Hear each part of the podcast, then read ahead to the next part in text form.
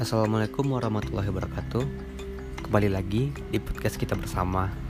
Bersama saya, Miss Bolazman Dengan nomor BP 1800-512049 Pada kali ini kita akan mencoba membahas tentang penerapan penetapan harga dan proses komunikasi nilai pada Budiman Mart yang berada di, kota, berada di kota Bukit Tinggi.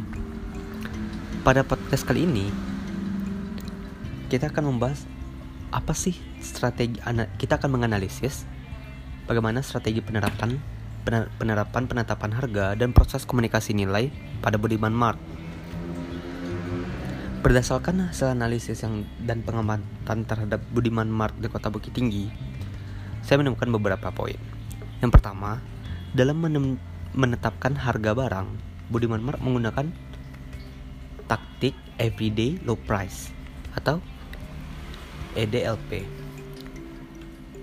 Taktik ini sangat menguntungkan bagi Budiman Mart karena bisa menarik menarik pelanggan karena dengan harga-harga yang rendah yang ditawarkan oleh Budiman Mart dibandingkan market-market yang lain. Jadi pasti akan muncul pertanyaan, bagaimana sih Budiman Mart bisa selalu menggunakan everyday low price? Lalu untungnya dari mana? Pasti itu yang muncul dari pertanyaan dari kepala kita. Lalu jawabannya Budiman Budiman Mart ini mendapatkan pasokan barang dengan harga retail dengan harga yang lebih murah daripada pasar daripada market-market yang lain. Itu tuh menyebabkan Budiman Mart bisa menjual harga lebih mudah, lebih murah daripada market-market yang lain. Dan poin yang kedua yang saya temukan, Budiman Mart ini selalu menggunakan selalu mengadakan diskon barang. Every day selalu mengadakan diskon.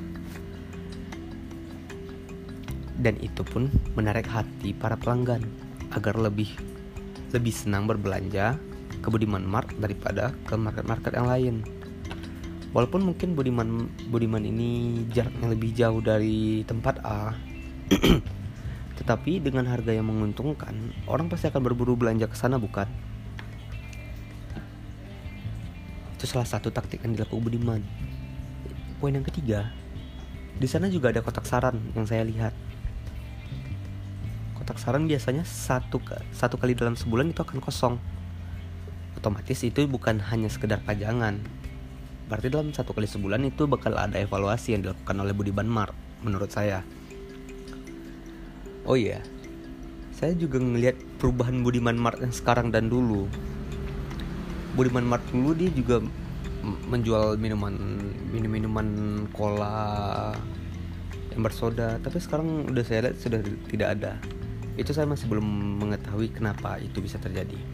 Mungkin pada podcast selanjutnya akan saya bahas. Selanjutnya kita ingin membahas bagaimana sih cara cara Budiman Mart mengkomunikasikan nilai-nilai mengkomunikasikan nilai nilai-nilainya kepada pelanggan. Ada dua cara menurut yang setelah saya analisa eh, pertama dengan cara membership. Emang membership itu apa? Kita menjadi pelanggan tetap Budiman Mart. Jadi kita memiliki kartu khusus pelanggan Budiman Mart. Setiap kita belanja kita bisa mendaftarkan belanjaan apa yang telah kita belanjakan kepada membership. Muncul lagi dong pertanyaan emang kegunaannya apa sih? Kegunaan dari membership pada event-event tertentu, membership ini akan memberikan keuntungan-keuntungan terhadap para pelanggan. Seperti mendapatkan diskon yang lebih besar daripada biasanya. Dan yang kedua ada kupon.